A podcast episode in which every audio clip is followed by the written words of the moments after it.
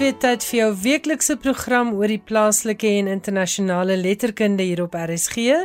Ek is Elsje Salzveld en ek sê vir jou welkom by Skrywers en Boeke. Ek gesels met jou uit Johannesburg wat beslis besig is om haarself in 'n herfstabbert te tooi. Baie dankie dat jy vanaand saam met my en my kollega Johan Meiburg vir die radio kuier. Ons het ouer gewoonte vir jou 'n lekker hitspot boeke nuus. Die hoofonderhoud is met Sally Andrews, skrywer van die Tannie Maria misdaadromans. Dan het Johan Meiburg vir jou nuus oor 'n Britse leesveldtog, 'n kort verhaal van die Japannese skrywer Haruki Murakami wat gelei het tot 'n rolprent wat pas met 'n Oscar bekroon is. Die Hy Letterkundefees en ook die kortlys vir die Booker International Prys vir vertaalde werk. En as jy graag skryf, sal jy bly wees om te hoor dat RSG en Sanlam se jaarlikse radiodrama skryfkompetisie pas weer aangekondig is. Kobus Burger gaan meer daaroor vertel. En wie weet, dalk is jy vanjaar die skrywer van die wendrama.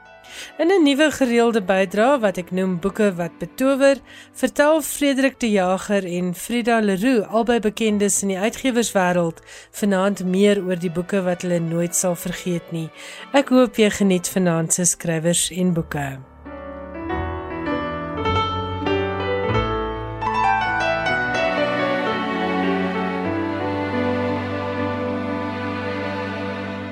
Johan Meiburg is eerste aan die beurt met 'n insetsel oor 'n Britse leesveldtog wat daarop gemik is om misdaadfiksie te bevorder.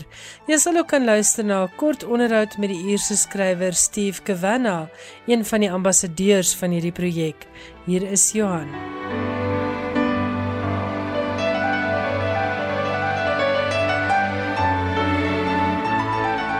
So eie aan Brittanje soos tee en komkommertoebroodjies is die speurverhaal tradisie. Veral die van die sogenaamde goue eeu van speurverhale met skrywers van Agatha Christie tot B.D. James. Maar net so eie aan die Britte is die hedendaagse genre wat breedweg as misdaadromans bekend staan. Skrywers gedei in die tradisie en lesers is daar volop. Daarom is dit ook nie vreemd nie dat Junie vanjaar geoormerk word vir die bevordering van die misdaadgenre in Brittanje en Ierland. Die inisiatief is die geesteskind van die Crime Writers Association in samewerking met die Reading Agency, 'n agentskap wat daarop ingestel is om lees en die voordele van lees onder kinders en volwassenes in die land te bevorder. Die Reading Agency werk saam met openbare biblioteke, skole en gevangenisse. National Crime Reading Month word op sosiale media bemark met die hitsmerk Pick up a page turner. Benewens gesprekke met skrywers, besoeke deur skrywers aan boekklubs en uitstallings, is 'n aantal ambassadeurs aangestel om die misdaadgenre te bevorder. Skrywers so Steve Kavanagh, M.W. Craven, Ellie Griffiths, Louise Phillips, Ian Rankin, L.J. Ross, Robin Stevens en Sarah Ward. Niks keer ons hier in Suid-Afrika om deel te neem in die rykdom van misdaadstories nie. Of dit nou deur Britse skrywers is of een van die talle misdaadromans wat in Afrikaans verskyn het. Dalk is dit nou die ideale geleentheid om 'n stapeltjie lekker lees misdaadboeke en thrillers en speurromans reg te kry vir jou eie leesfees in Junie. Hier is die Ierse skrywer Steve Kavanagh aan die woord oor sy debuutroman van 2015 en hy doen sommer ook 'n bietjie promosie vir die boek The Defense. It's a legal thriller set in New York featuring a brand new series protagonist Eddie Flynn. I'm going to talk a little bit about Eddie Flynn, a little bit about the book itself and the story, and a little bit about the story behind how I came to write the book itself. So, the defence uh, takes place over the course of 48 hours in New York City. Eddie Flynn is a former con artist turned trial lawyer. And when we meet Eddie, he hasn't practiced law for a year. But on the day that we meet him, he has no choice but to go back into the courtroom. The head of the Russian mafia in New York, Oleg Volchek, is on trial for murder. The prosecution have a watertight case. Volchek realizes he has only one shot at getting out of this situation. He kidnaps Eddie, he straps a bomb to Eddie's back, and forces Eddie to smuggle the bomb into the courthouse, plant it in the courtroom, and blow up the prosecution's star witness. If Eddie fails, Volchek will murder Eddie's 10 year old daughter, Amy. That's the basic setup for the defence. And uh, as the trial progresses and Eddie gets more involved in the case itself, uh, the FBI discover the bomb plot and Eddie becomes their number one suspect. So the stakes get higher for Eddie as the story progresses. In terms of how I got the idea to write the book, um, I hadn't written anything for many years. Um, I had written screenplays a little in my early 20s, but hadn't written anything for about 15 years.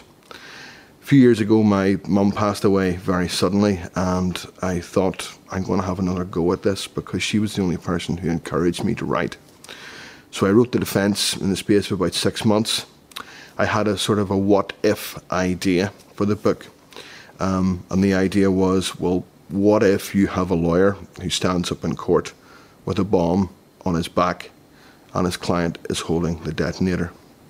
And that was the seed, really, for the, the whole book. Um, Eddie is quite an unusual protagonist. He has uh, quite an unusual skill set, and it's one which comes in very handy in this type of situation. But uh, one of the themes of the novel uh, is the cross pollination of skills between con artists and trial lawyers. They all have the abilities, technical abilities, and these skills, uh, such as manipulation, distraction, misdirection. All of these things uh, a con artist can do to a mark, just as a trial lawyer can do to a jury. And the defence explores some of those uh, skills and how they're used in the courtroom. Dit was die eerste skrywer Steve Kavanagh, een van die National Crime Reading Month se ambassadeurs. Hy het gesels oor sy misdaadroman The Defence. As jy nuuskierig is oor ander boeke wat as deel van hierdie veldtog bemark word, gaan kyk gerus onder die hitsmerk Pick up a page turner op sosiale media. Ons bly by misdaadverhale en soos Johan gesê het, dis 'n baie gewilde en vinnig groeiende genre En dis ook in Suid-Afrika die geval in Afrikaans sowel as in Engels. My gas vanaand skryf 'n eie soortige eg Suid-Afrikaanse misdaadverhaal in die styl van die Agatha Christie verhale. En hierdie stories van haar speel af in die Klein Karoo. Ek praat natuurlik van Sally Andrew. Hier is 'n onderhoud wat ek verlede week met Sally opgeneem het na die bekendstelling van The Milk Tart Murders.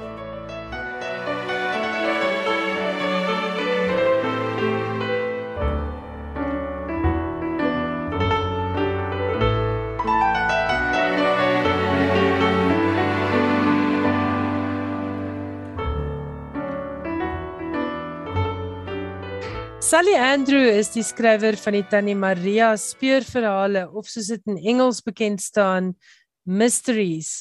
Dit speel af in die Klein Karoo en kos 'n plattelandse koerantjie die koerantjie se troostante en die mense van die plattelandse dorpie speel almal 'n groot rol in die reeks. Daar's baie baie lieflike karakters en natuurlik geheime en onopgeloste misdade in hierdie boeke. Die vierde titel in die reeks het pas verskyn en dit heet The Milk Tart Murders. Ek het 'n paar jaar gelede ook met Sally gesels oor haar debuutroman Recipes for Love and Murder en sedertdien net nog twee boeke, The Satanic Mechanic en Death on the Limpopo verskyn. Sally, good evening. Goeienaand en baie dankie dat jy met ons gesels op skrywers en boeke. Goeienaand Elsje, dis wonderlik om hier so te wees. Baie geluk met The Milk Tart Murders en as ek nou reg onthou, is dit uitgereik om saam te val met Nasionale Melktert Dag. Vertel vir ons waaroor gaan hierdie boek en hoekom spesifiek melktert as 'n kosonderwerp? Hoekom nie? die so the book is set in Ladysmith in the Clan Karoo where our character Tani Maria lives and she is an agony aunt, a trust Tani.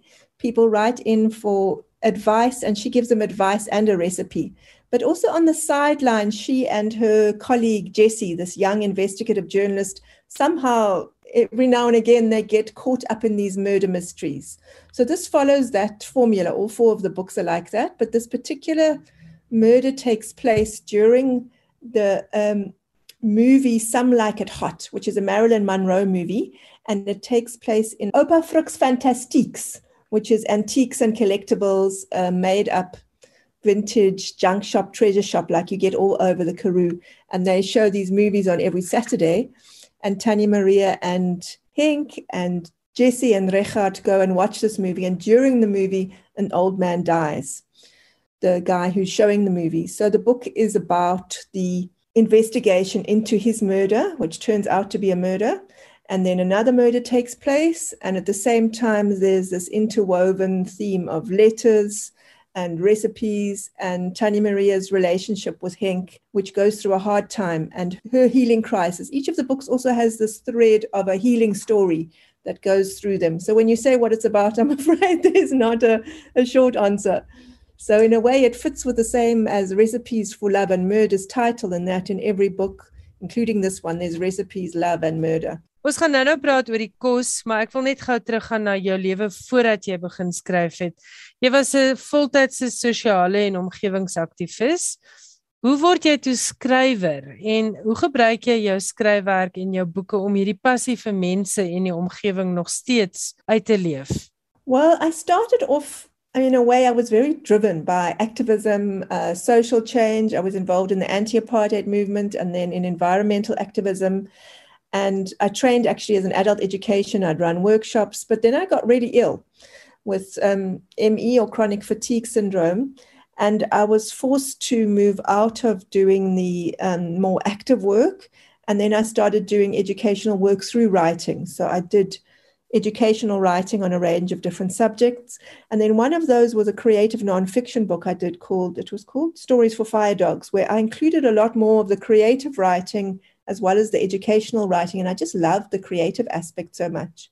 And also, I think because I was forced to stop with my illness, I was really, I mean, I couldn't walk, I couldn't brush my hair. I was very much, my whole life came to a standstill. And it was only under those conditions that I gave myself permission to do what I really loved. And I did love writing and I did love creative writing. So it was through that process that I started having more pleasure in writing words for the pleasure of the fiction and the story of them and less with the message. And I also learned through my adult education work that when you tell people what to do, they react against it. That any messages need to be very subtle and unpushed. So I think there are still themes of environmental activism in book one. In book three, I go into a lot of issues around corruption and there's threads of things because I've got a strong sense of justice, and Tanya Maria and some of the other characters like Jesse in all of the books, and Zabanguni, who works for the Daily Maverick, who's a big character in book three. She's also very driven by justice. But it's much it's much less of something for an educational purpose, and it's really something I'm doing more for pleasure, and those themes get woven into it. Hoe gebeur dit toe nou dat kos en resepte deel word van hierdie stories? En dis heerlike stories. Ek gaan nou net met jou praat oor jou skryfinvloede, maar dit lees lekker en ek kan dit regtig wyd aanbeveel. People assume I'm an amazing cook because Tanya Maria is an amazing cook and the recipes are really, really good. At the end of every book, there are 15 recipes that are mentioned. But the recipes for the main character play a number of roles. So, firstly, she is this agony aunt who you write in with a problem and she gives some very common sense advice. She's a very kind, wise, loving, intelligent woman, although she's not bukhaliat. She's intelligent in her heart and from her feet up. Um, but she also gives a recipe because she sees recipes as having healing properties. And often people write in with a problem and then she gives a recipe as part of the solution. And then she also uses recipes as ways of getting people to talk. So she always carries around this food and she gives people food and, and then they share information with her. And for me, the recipes come from a range of different sources. Sometimes I create a character because I love a recipe. Sometimes I've got to create a recipe in order to fit the story. And I always do a very rigorous testing process where I get um, professional chefs to cook things for me, where I have professional tasters. This last one, we had a group of 23 people at La Fontaine in Franschhoek and Marie-Louise Guy and Bev Dodd. They're sort of professional tasters. Uh, and then I'll retest things. In this book, quite a few of the recipes are my own because I've so often said at launches and things, no, I'm not a cook. And so many of my friends and family have objected and said, No, you make most amazing food that I've said, Okay, I'm going to try some of my recipes in the book. And they did pass the test. So I'm pleased to hear that, that they are good and people uh, sort of rated them. And They filled in forms for all of the recipes. But I'm not a chef by vocation. I've got enormous respect for people who know the whole language of food. And as a writer, food is fantastic because it pulls you in sensually. It gives you smells and taste and colors. So it's a lovely way to to make an experience three-dimensional for a reader. Jy het nou die woord healing 'n hele klompie kere gebruik en ek ken ME en ek weet mense kry baie swaar daarmee. Maar hoe pas jy dan die harde werk van skryf in rondom jou siekte en en vertel vir ons van die healing wat ook in jou boeke na vore kom? Well, my sickness is very much thing of the past. Uh, I mean, it's I was very ill, but I've partly because of my writing, I had to choose uh, either I can't be a success or I've got to get better. I've got to match up. Because when the first book came out, I just wasn't up to it. I couldn't, I didn't have the energy to deal with the interviews. The first book was published in 14 languages and around the world, and there were all sorts of offers. And and I, I initially just didn't have the energy, and I was thinking, this is a dream of mine, but I can't do it. So I had to choose between giving up my dream or healing, healing up. And I healed up, and I, uh, there were all sorts of techniques. That's another whole story around how I got better from ME. But I think it's just always been a theme and an interest to me, being healing. And it was one of the paths I considered. I studied psychology. I know on some levels it's been a, a calling for me. And recently I've taken on something which I use tuning forks and I do sound healing. And that's one of the things that's helped my own health dramatically. But I feel there are a number of ways in which one transmits healing energy, one transmits uh, on a simple level, it's the message of kindness, but it's also the exploration around as humans, there are a lot of common themes and archetypal problems that we have. And when I start planning a book, I look at what are the issues that I need to be working through in this moment that might overlap with Tani Maria and that are archetypal things that might support humans on our quest. So there's a number of personal and general threads that will be there in each of the books. So Tanya Maria is a woman who was abused by her husband, and I go into her just this first stage where she can reach out and hold someone's hand in book one. In book two, um, I deal with her PTSD issues, post traumatic stress disorder, and have her attending a group run by this wonderful character called Rikus. And then in book three, I deal more with her. This is now on the personal healing aspect, being able to love, say, I love you, and here I love you. And in book um, four, it begins with a marriage proposal. In fact, if we have a minute to spare, I'd love to read the first page of book four. Ja, asseblief, uh, lees vir ons die eerste bladsy want ek dink luisteraars gaan onmiddellik die warmte en die deernis in die eerste bladsy kan hoor. So chapter 1, the milk tart murders. I woke to the sound of swallow chirrups. Every spring they fly across Africa down to the Klein Karoo. They already had one nest on my stoep, and now they'd built another outside my bedroom window, made of mud, like my house. Henk grunted and rolled over, his arm falling across my chest. I was wearing my cotton nightie, and he was naked.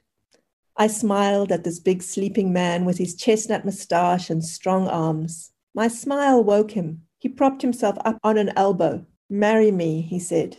No, I said. My late husband, Fani, had put me off marriage for life. But maybe we could live together, I said, stroking the silver and copper hairs on his chest. You could move in here. Henk turned onto his back, put his hands behind his head, and looked up at the Oregon ceiling. Maybe we should leave things just like they are, he said. Shadows fluttered across my sash window. Swallows leaving the nest. Is this about Norma? I asked all her stuff in your house. Norma was Hank's late wife. She had died a few years ago, but his home was still full of her furniture and photographs and recipe books. We could go to a movie together, he said, this afternoon. But it's Saturday. You watch rugby with Richard. Jessie convinced him to go to Opa Frick's movie, Hank said. It's a love story. Okay, I said, but first you can help me bake a lemon drizzle cake. You end that chapter with coffee, lemon syrup, and cake is a perfect three course meal, if I remember correctly. Yes. Um, please just read that that last paragraph or two as well. Well, it ends with a letter from a shy girl who Maria gives a recipe for fudge to. And uh, meanwhile, Henk was finalizing the cake while she was writing this letter. And then I wrote out the fudge recipe.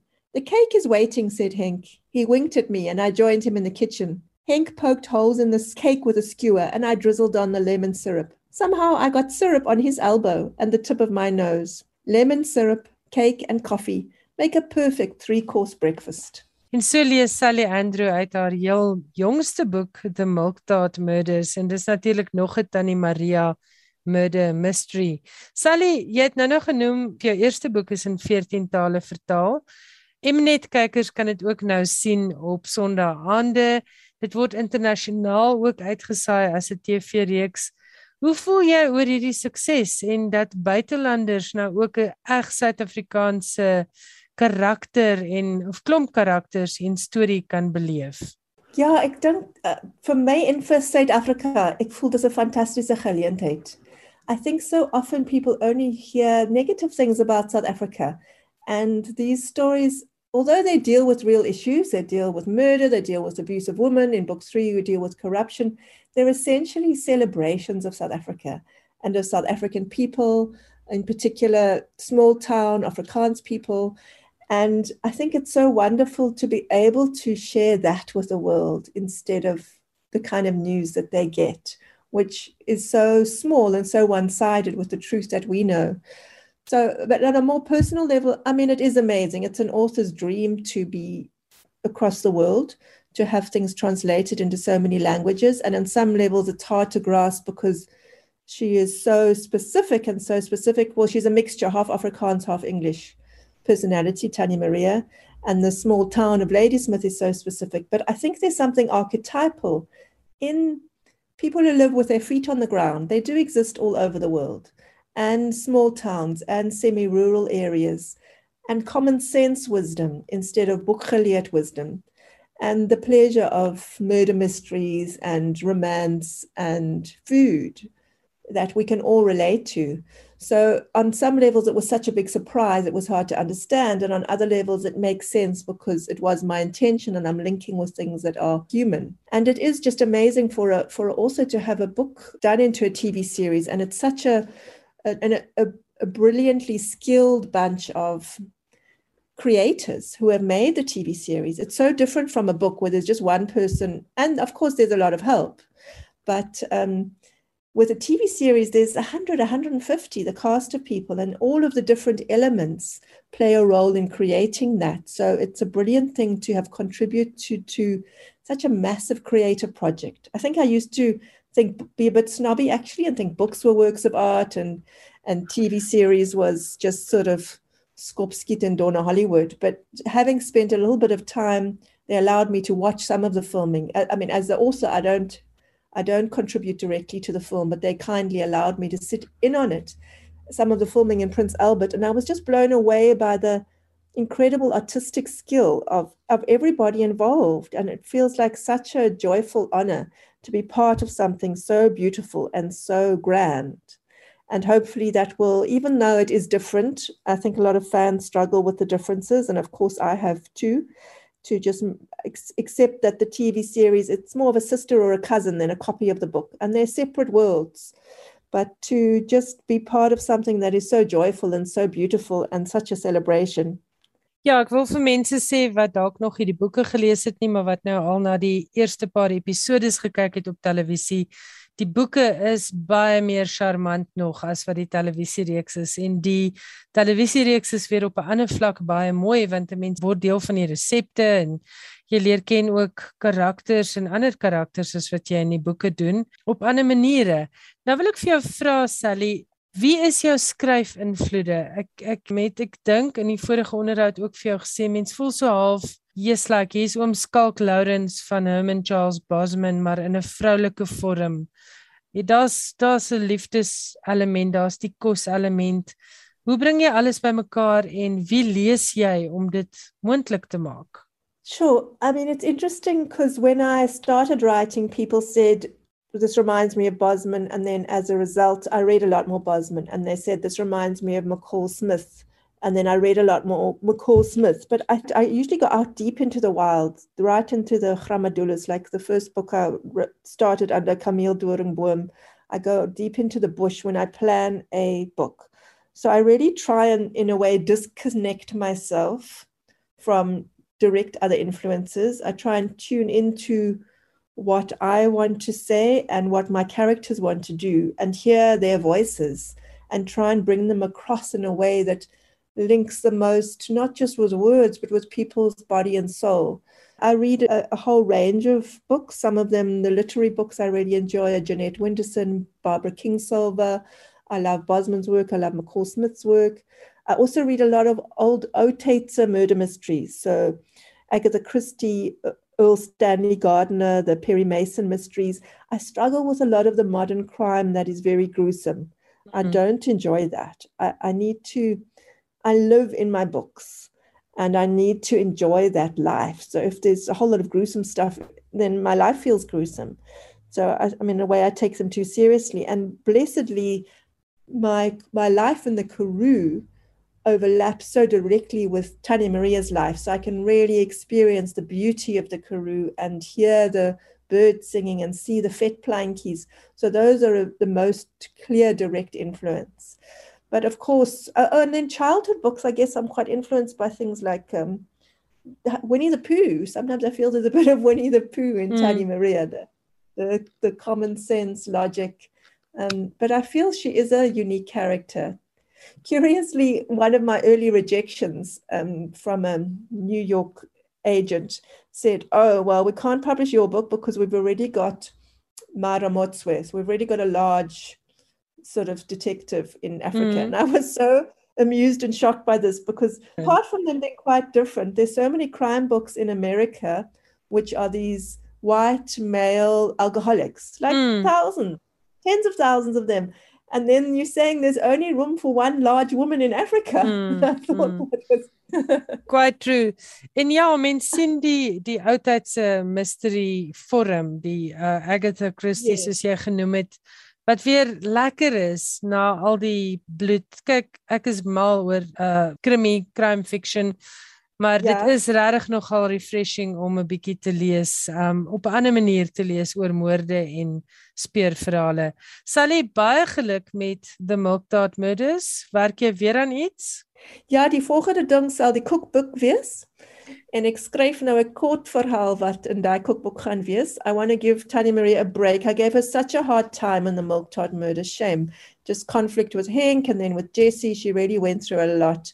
So in book um, 5, which will be the cookbook as well as there being most of the recipes from all the books with lovely photographs that will be brought out by a cookbook producer like Strake um, Strake will bring it out from they're part of the same Penguin Random House. But I also want to do a short story. There will be a murder mystery, but one in which I just give Maria less of a hard time. Really, just her and Henk must just have some peace together and have fun. So that's Peace and quiet in lekker kos. Dit is hier ja, resep vir die volgende boek dance and, and and then also a chance to eat all the food in some kind of maybe I'll have it at a policeman's ball something like that. Sally Andrew heerlik om met jou te gesels. Baie geluk, lekker skryf van die volgende boek en ons gesels hopelik weer. Baie dankie Ilse and baie dankie to everybody who's listening and reading and watching and enjoying art that us crazy people create. Ek het gesels met Sally Andrew, skrywer van die Tannie Maria misdaadverhale. The Milk Tart Murders word soos haar vorige 3 Tannie Maria boeke uitgegee deur Penguin Random House. Ek is Elsje Salzveld en jy's ingeskakel op skrywers en boeke op RSG. In Johan Meiburg se volgende bydrae gesels hy oor Drive My Car, 'n vervilmde weergawe van die Japaneese skrywer Haruki Murakami se gelyknamige kortverhaal. En hierdie rolprent is pas bekroon met 'n Oscar vir die beste buitelandse rolprent. Hier is Johan. Drive My Car, een van die 24 kortverhale in Men Without Women Die Japanse skrywer Haruki Murakami se bundel kortverhale wat in 2014 in Japan verskyn het en in 2017 in Engels vertaal is, het Murakami weer in die kolle geplaas toe die vervilmde weergawe van die verhaal onlangs die Oscar gekry het vir die beste buitelandse rolprent. soos die fliek Brokeback Mountain van 2005 ook geskoei op 'n kortverhaal en die proel weer prominensie gegee het. Men Without Women was 'n eie regte topverkoper en het minstens in Japan die hoop laat herleef dat Murakami dalk nou des te meer in ag geneem sal word vir die Nobelprys vir letterkunde. Murakami word jare lank al wyd gereken as aanspraakmaker op die prys. Die kortverhaal Drive My Car gaan kortliks oor 'n akteur wat 'n weewenaar is en wat weens glaukoom nie self motor kan bestuur nie. Hy stel 'n jong vrou as sjofeur aan om hom te karwei en algaande ontwikkel 'n vriendskap tussen die twee. Die verhaal is 'n besinnende verkenning van die noodsaak wat mense vir koneksie het en ons ingebore behoefte om verstaan te word, selfs wanneer ons dit die minste verwag. Die 73-jarige Murakami se eerste roman het in 1979 verskyn en is later vertaal as Hear the Wind Sing. In 1989 en in 2000 het twee vertalings verskyn van die roman wat in Engels bekend staan as Norwegian Wood. Sy laaste 5 romans is Kafka on the Shore van 2002, vertaal in 2005, After Dark van 2004, vertaal in 2007 1Q84 van 2010 vertaal in 2011 Catalyst Tsukuru Takazi and his Years of Pilgrimage van 2013 vertaal in 2014 en Killing Commendatore van 2017 vertaal in 2018 Dit was Johan Meiburg en hy het gesels oor Drive My Car, 'n Oscar-bekroonde rolprent wat gebaseer is op 'n kortverhaal uit die pen van Haruki Murakami, veelbekroonde en baie bekende Japannese skrywer. Skrywers en boeke. Elke Woensdag aand tussen 8 en 9. Die RSG Sanlam radiodrama skryfkompetisie word al meer as 'n kwart eeu aangebied en Kobus Burger jare lank reeds die dryfkrag agter hierdie projek. Vertel meer oor vanjaar se kompetisie waarin die skrywer van die wendrama R50000 kan wen. Kobus, goeienaand en baie dankie dat jy met ons kom gesels. Vertel asseblief meer oor die RSG Sanlam radiodrama skryfkompetisie en ook hoekom dit sulke groot nuus is dat dit weer gehou word. Ons het die kompetisie word verjaar vir die 26ste jaar aangebied. En ek dink hoekom dit groot nuus is, is dat 'n skrywer, 'n wenskrywer, kan altesaame R50000 se prysgeld wen. En dan nou buite hierdie prysgeld kan die wendrama ook uitgesaai word op RSG en dan word die skrywer ook betaal. So ek dink vir enige skrywer, iemand wat graag wil skryf, is sulke prysgeld nie te versmaai nie. En dit is wonderlik dat ehm um, Sanlam die borg nou nog hierdie pad saam met ons stap, dat ons dit jaarliks moontlik kan maak met soveel geleenthede vir skrywers en dat skrywers op hierdie manier aan 'n groot gehoor blootgestel word. Jy kan nou dink as jou radiodrama hier op RSG uitgesaai word, kan 1,4 miljoen mense dit hoor. En met feeste wat dikwels kleiner is en um, minder geleenthede deesdae bied vanweë die pandemie, is hierdie dan nou 'n maklike manier vir 'n skrywer om 'n gehoor of 'n luisteraar te bereik. Watter voordele hou so kompetisie vir skrywers in? Die voordele is eindeloos. Ons bied natuurlik nou die skryfkompetisie aan met 'n handleiding, maar dan is daar ook mentorskap byvoorbeeld vir die finalis skrywers en ek onthou van die skrywers het al gesê dit is van die beste raad en leiding wat hulle in hulle hele loopbaan ontvang het en dit was vir hulle 'n persoonlike hoogtepunt. Daar's ook meestersklasse wat ingesluit word en aangebied word en dit word alles moontlik gemaak deur hierdie belegging van Sanlam Sanlam. Dan ook baie skrywers wat deelneem aan die kompetisie verwerk dan later hulle radiodramas in byvoorbeeld 'n uh, flieks of rolprente. Um, Erika Harris het dit al in die verlede gedoen. Uh, Marcel van Heerden het met sy uh, radiodrama Vryslag pryse gewen by die Silwer Skerm. Daar's mense wat hulle radiodramas dan verwerk as verhoogdramas. So uh, dit is maar 40 of 45 bladsye dubbelspasiering, maar die moontlikhede en die voordele van so 'n teks is eintlik eindeloos. Jy kan dit op verskeie maniere dan weer aanwend later. Kobus, dit klink vir my altyd baie moeilik om 'n radiodrama te skryf. Is dit so moeilik? Baie mense sê ja, dit is 'n moeilike medium, maar ons bied nou wel hierdie handleiding aan wat vir mense 'n leiding gee oor die medium wat verduidelik En dan um, is daar natuurlik ook 'n rit skryfwenke vir mense. Ek dink die basiese ding wat baie mense voorskrik is die formaat, maar as jy die deel in die handleiding lees oor hoe die teks moet lyk en ehm um, dit net deeglik bestudeer en toepas, ehm um, dan is dit eintlik nie so moeilik nie. Radiodrama is maar dialoog, dit is hoe mense praat en dit is hoe jy mense rondom jou hoor praat. Ehm um, dis nie prosa nie, so dit werk nie of slaag nie met byvoeglike naamwoorde en fleurige skryfwerk nie. Dit is baie meer realisties want dit is hoe mense met mekaar praat. So in daai opsig beskou ek dit eintlik as 'n baie maklike medium, maar ons het die hulpbronne, ons het die handleiding en ek is ook bereid as mense vir my vra, maar ons weet nie eens hoe lyk 'n radiodrama op papier nie. Ons het tekste, ons kan vir die luisteraars of voornemende skrywers sulke tekste gee dat hulle daarna kyk. Wanneer is die sluitingsdatum en hoe presies neem 'n mens deel aan die Sanlam RSG radiodrama skryfkompetisie. Die sluitingsdatum is Maandag 1 Augustus, so uh, skrywers het 'n hele paar maande om deel te neem en dan die handleiding is op RSG se webblad. Dit is rsg.co.za. Dis 'n lywige handleiding en selfs binne die handleiding is daar 'n verdere lys met bronne, ekstra bronne wat 'n mens kan raadpleeg en dan is daar ook 'n lang reeks skryfwenke. Dit is deur mense soos Betty Kemp en Leon van Nierop geskryf, uh, Marie Snyman, uh, Wyle Mago Luit het deelgeneem en ook daar wenke gegee en ek glo regtig waar as mense deur daai wenke en handleiding werk, dan behoort hulle die medium te verstaan en dan die laaste punt is maar luister. Baie mense wil graag vir die radio skryf, maar as jy vir hulle vra wat is jou gunsteling radiodrama, het hulle geen idee nie. So as jy graag vir die medium vir radio wil skryf, luister radiodrama. Ons radiodrama of radioteater seisoen het nou begin. Dis elke donderdag aand om 8uur. So skuif nader en luister nou na die wendramas van verlede jaar. Luister hoe klink die wenskrywer se dramas. Deur luister alleen gaan jy ongelooflik baie leer oor die medium en um, en luister na die tipe storie wat jou interesseer. En dan is dit maar net boude op stoel. Dan moet 'n mens maar net gaan sit en skryf. En ja, sterkte aan al die deelnemers. Ons sien uit om julle tekste te lees. Dit staan Maandag 1 Augustus is die spertyd en die tekste kan gestuur word na radiodrama by rsg.co.za.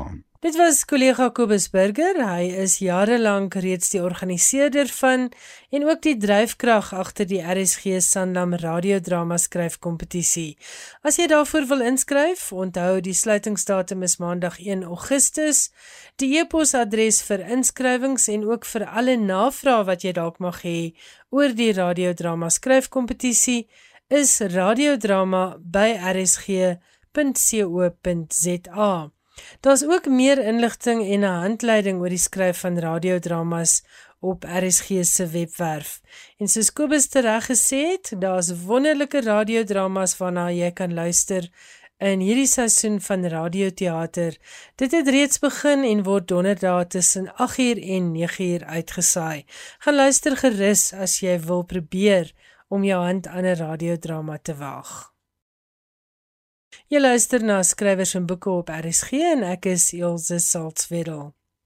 Elke boekwurm het 'n boek of boeke wat hom of haar lewenslank sal bybly. Dis daardie boek waarvan jy nie noodwendig eers meer die naam kan onthou nie, maar jy onthou die betowering, die gevoel wat dit in jou wakker gemaak het. Of dalk is dit boeke wat altyd 'n ereplek op jou boekrak sal hê en wat jy soms sal herlees en altyd sal aanbeveel. Die skrywer en oud-uitgewer Frederik de Jager, wie se bundel vertellings Man op 'n fiets ergens heen verlede jaar verskyn het, vertel vir ons van die boek wat kleintyd die skatkamer van die boekewêreld vir hom oopgesluit het.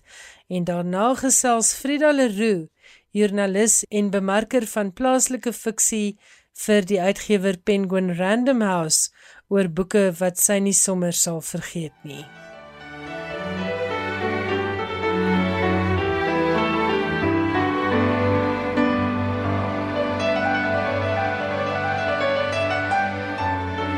Van die belangrikste boek wat ek ooit gelees het, kan ek niks van die storie onthou nie. Maar ek onthou die hoofkarakter se naam, Fanny, en sy haarkleur, rooi. En hoe ek aan die boek gekom het, die biblioteek.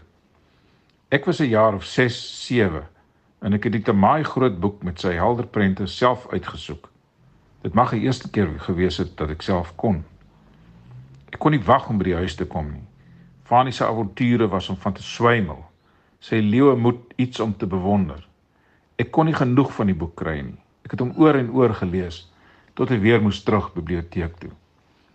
Ek is nie ligsinnig wanneer ek sê dis my belangrikste boek nie. Ek sê so omdat dit die eerste keer is wat ek kan onthou dat 'n boek my verbeelding op loop gesit het.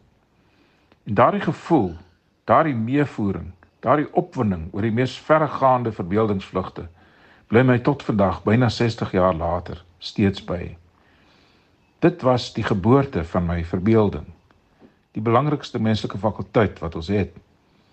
Verbeelding is wat ons idees, ons keuses en ons dade tot in ons volwassenheid oplig bo die slopende eenselwigheid van die gemiddelde. Ek sien nog voor my geestesoog vir dapper Fanie met sy geweldige rooi kuif. Dalk is dit die boek wat ek my hele lewe sedertdien soek in elke boek wat ek lees. En dalk is Fanie die mens wat ek my hele lewe nog probeer wees.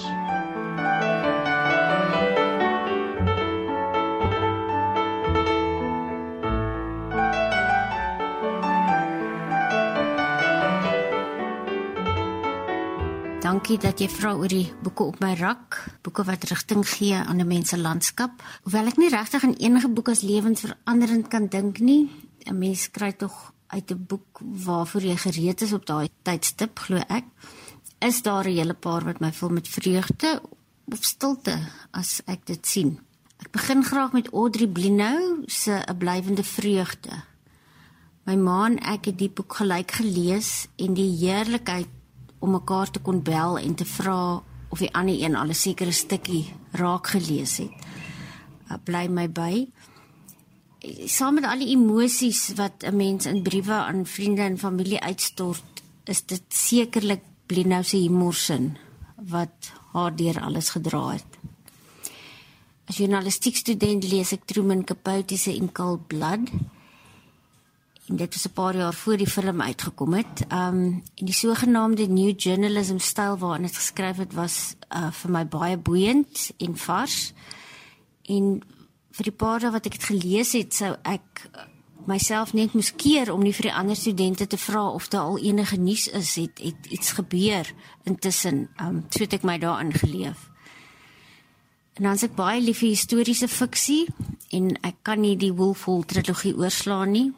Hilary Mantel se herverbeel van Thomas Cromwell as simpatiek en lojaal wys vir my wat mens met fiksie kan doen.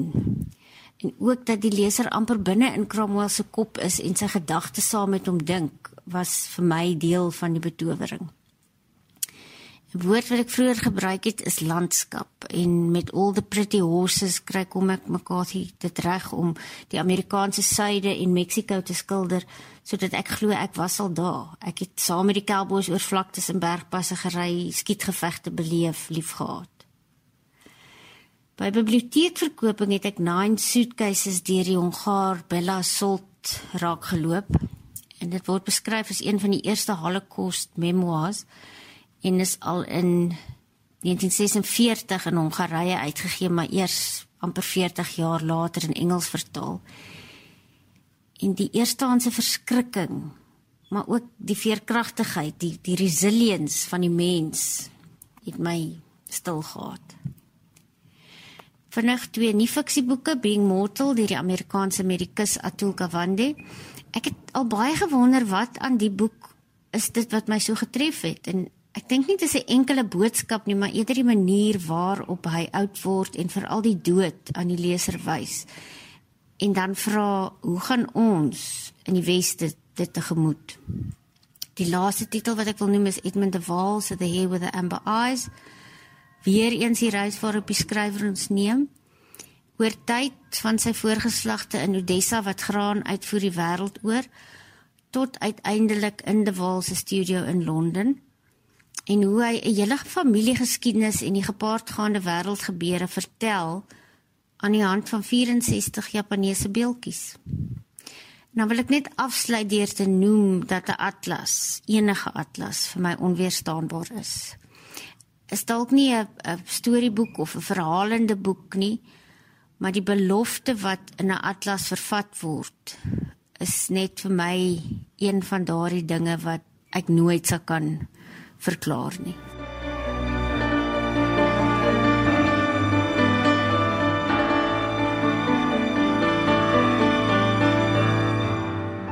Dit was Frederik De Jager en Frida Leroux en hulle het gesels oor die boeke wat hulle betower het en wat hulle altyd sal bybly. Laat weet gerus watter boeke vir jou uitstaan in jou lewe of wat dalk vir jou lewensveranderend was en jy kan vir ons iets meer daarvan vertel op die splinternuwe skrywers en boeke Facebookblad. Ek en Johan Meiberg hoor graag daarvan jou. Of jy kan vir ons 'n e-pos stuur na skrywers en boeke by rsg.co.za. Johan gaan nou vir ons die program afsluit met sy laaste bydrae en hy gaan gesels oor die Hy Letterkundefees wat eersdaags in Wallis plaasvind, asook die kortlys vir vanjaar se Booker International. Dis die prys vir vertaalde werk en die kortlys is verlede week aangekondig. As jy so gelukkig is om die noordelike lente in Brittanje te wees, is hy on Wye, die dorpie in Wallis, dalk die plek om aan te doen. Dis waar jy skrywers soos Abdul Razak Gurna, verlede jaar se Nobelpryswenner vir letterkunde, asook Bernardine Evaristo en Damon Galgut, Boekerpryswenners van onderskeidelik 2020 en 2021 sal teekom. Die 35ste Hey Letterkundefees word vanjaar na 2 jaar se aanbieding in 'n aanlyn weergawe van jaar weer soos van ouds in persoon aangebied. Die organiseerders van die fees maak heelwat gewag van Bill Clinton se beskrywing van die fees as the Woodstock of the mind. Een van die programme wat die Hyfees vanjaar aanbied is 10 at 10. 'n Reeks waarin 10 debuutskrywers om die beurt vir die duur van die fees elke oggend om 10 aan die woord kom. Die Hyfees duur van 26 Mei tot 5 Junie. En ten slotte Die kortlys vir vanjaar se Booker International, die prys vir vertaalde werk, is ook verlede week aangekondig.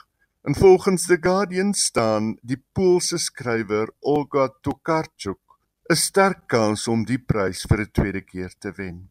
Die ses boeke op die kortlys is Cursed Bunny deur Bora Chang, wat eers in Koreaans verskyn het en vertaal is deur Anton He, A New Name Septology 6 to 7 deur John Fossey wat eers in Noorweegs gepubliseer is voordat dit vertaal is deur Damien Souls. Heaven deur Miku Kawakami, vertaal uit Japanees deur Samuel Bett en David Boyd. Eleanor Knows deur die Argentynse skrywer Claudia Pinheiro wat eers in Spaans verskyn het en vertaal is deur Francis Riddle. Tomb of Sand deur die Indiese skrywer Gitanjali Shree vertaal uit Hindi deur Daisy Rockwell. Dit is die eerste boek in die taal wat vir die Booker International in aanmerking kom en The Books of Jacob deur Olga Tokarczuk wat vertaal is uit Pools deur Jennifer Croft. Tokarczuk en Croft het in 2018 die Booker International gewen met Flights. Die wenner word op 26 Mei aangekondig. Dit was die stem van Johan Meiburg. Hy het gesels oor die Hy Letterkundefees en die Booker International Prys vir vertaalde werk se kortlys. Dit bring my dan by die einde van vanaand se program, maar volgende Woensdag aand om 8uur gesels ons weer oor skrywers en boeke. En as dinge reg verloop, sal jy kan luister na 'n onderhoud met Kirby van der Merwe oor sy nuwe roman Eugene. Onthou van die nuwe skrywers en boeke Facebookblad waar jy vir ons kan laat weet watter boeke jou altyd sal bybly en hou gerus ook die blad dop vir wetenskapwaardighede uit die plaaslike en internasionale letterkundige wêreld. Ek en Johan gaan dit gereeld bywerk. Ek is Elsje Salzveld en ek wens vir jou 'n mooi week toe. Natuurlike week met genoeg leesgoed. Lekker leesgoed om jou van die daaglikse sleur en stres te laat ontsnap. En ek hoop jy het ook wonderlike boeke vir die lang naweek wat op ons wag. Tot volgende week. Totsiens van my Elsje Salzwetel.